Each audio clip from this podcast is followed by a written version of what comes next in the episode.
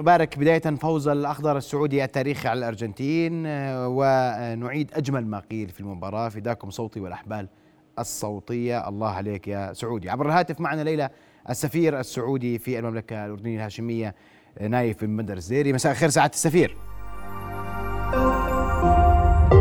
رؤيا بودكاست. مساء النور أخوي محمد حياك الله. فرحة اليوم آه، فرحة سعودية فرحة عربية فرحة أردنية بهذا الفوز السعودي. تعليقك سعادة السفير. آه تعليقي إنه الحمد لله والشكر لله على هذا الإنجاز الكبير. طبعا ارفع التهنئه لمقام مولاي خادم الحرمين الشريفين آه سمو سيدي ولي العهد رئيس مجلس الوزراء والشعب السعودي الغالي والحبيب. واهنئ أيضا آه اللي أبهروني فعلا إخواني وأهلي الشعب الأردني الشقيق والغالي بتفاعلهم المدهش مع هذا الفوز آه، وهذا الانتصار اللي أنا أعتبره هدية بسيطة آه، لمواقفهم المشرفة مع المملكة العربية السعودية. فأهنئ أهنئ جلالة الملك عبد الله الثاني بن الحسين وسمو ولي العهد الأمير آه، حسين بن عبد الله وكل أهلي وإخواني في الأردن على هذا الفوز اللي هو فوزهم لأنهم احتفلوا فيه زي ما احتفلنا إحنا فيه. اليوم الاحتفالات عمت آه، العاصمة عمان عمت معظم المناطق المملكة احتفالا بفوز السعودية. والمهم هو القادم ونأمل كل التوفيق المنتخب السعودي سعادة السفير.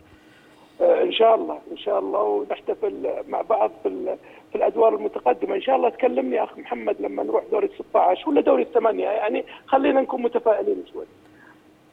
التفاؤل حق ما بعد اليوم سعادة السفير صحيح؟ آه، أكيد بس لازم تكلمني أنت بالذات لأنك أنت إن شاء الله نتفائل فيك. دائما يا سيدي دائما. كل التوفيق للمنتخب السعودي وأشكرك كل الشكر سفير المملكة العربية السعودية. كنت معنا مباشرة آه، تحدثت حول فوز المنتخب السعودي. طارق طارق غصاب المحلل الرياضي معنا أيضا عبر الهاتف. أستاذ طارق مساء الخير. مساء الخير أستاذ محمد لك وللمشاهدين الكرام. أستاذ طارق أسمع تعليقك على الفوز السعودي اليوم. قلب الطاولة على الأرجنتين في في آه، الشوط الثاني وأداء مشرف للمنتخب السعودي وأيضا أداء جيد للمنتخب التونسي صحيح أستاذ محمد بادئ ببدء نبارك للشعوب العربية والشعب السعودي بشكل خاص هذا الفوز التاريخي للمنتخب السعودي في افتتاح مبارياته في كأس العالم أمام المنتخب الأرجنتيني. إيه، عاطفيا كلنا سعداء كلنا نشعر بالفخر للأداء العربي المنتخب السعودي والمنتخب التونسي خاصة المنتخب السعودي ونشعر بأننا شاهدنا منتخب يرفع الرأس ويؤدي بشكل جميل. لكن لنعطي كل ذي حق حقه المنتخب السعودي وضع لنا مقدمات الأداء الجيد منذ تحضيراته للبطولة، من شاهد المنتخب السعودي في المباريات الودية مع منتخب أمريكا ومع منتخب آه، كرواتيا شاهد منتخب يلعب كرة جميلة جدا، هذا الأمر انعكس على مباراته اليوم مع المنتخب الأرجنتيني، يعني المنتخب السعودي مر بظروف صعبة بداية المباراة، تلقى هدف.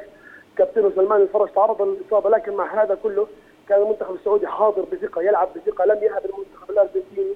لعب بثقة كبيرة جدا وبفكر كروي يحترم لمدربه الفرنسي رينار هذا ما جعله يتمكن من العودة ويؤدي مباراه رجوليه شاهدنا التحامات قوية؟ شاهدنا احتكاكات قوية. آه، حاول المنتخب السعودي تذويب الفوارق الفردية مع المنتخب الأرجنتيني ولهذا شاهدنا كرة قدم جميلة وتحدي كبير من المنتخب السعودي.